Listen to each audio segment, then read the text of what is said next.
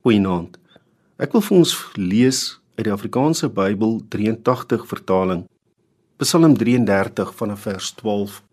Dit gaan goed met die nasie wie se God die Here is.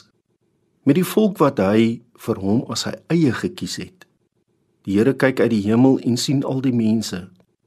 Van die plek waar hy as koning sit, sien hy almal wat onder op die aarde woon. Dit is hy wat hulle verstand gevorm het wat al hulle werk deurgrond. Dit is nie deur 'n groot leer dat 'n koning wen nie en nie deur groot krag dat 'n held behoue uitkom nie. Dit is nie waar dat die perd die oorwinning gee en dat sy groot krag redding bring nie. Dit is die Here wat sorg vir die wat hom eer, vir die wat op sy mag vertrou om hulle van die dood te red en hulle in die lewe te hou in hongersnood. Wat 'n wete om vanaand opnuut te hoor dat ek belangrik is. Dat ek te midde van al die onstuimigheid en ongemaklikheid wat ek dalk mag beleef, kan weet my God, die lewende God, weet van my. Hy is in beheer en hy sorg.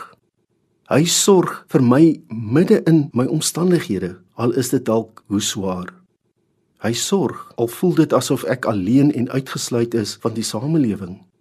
Hy sorg al voel dit dalk dat niemand my verstaan en vir my omgee nie. Dat hy sorg vir my ten spyte van en ongeag my tekortkominge. Is dit nie 'n wete wat vir ons hoop gee nie? As ek hierdie wete my eie maak kan en sal dit weer vir my die huppel in die stap bring. 'n Nuwe hoopvolle perspektief. Dan kan ek mos in die nuwe môre opstaan met 'n vaste wete. My God is by my.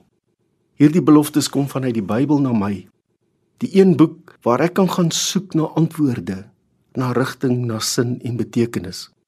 Maar dit was die visie van gelowige manne en vroue wat 200 jaar terug in tuinhuis bymekaar gekom het om die Bybelgenootskap te stig. Hulle passie om die Bybel beskikbaar en toeganklik te maak vir die mense van daardie tyd. Maar ook vir ons vandag, sodat ek en jy in ons hartstaal met die woord kan omgaan. Dat ons hoopvol kan gaan lewe vanuit die beloftes soos opgeteken in die Bybel.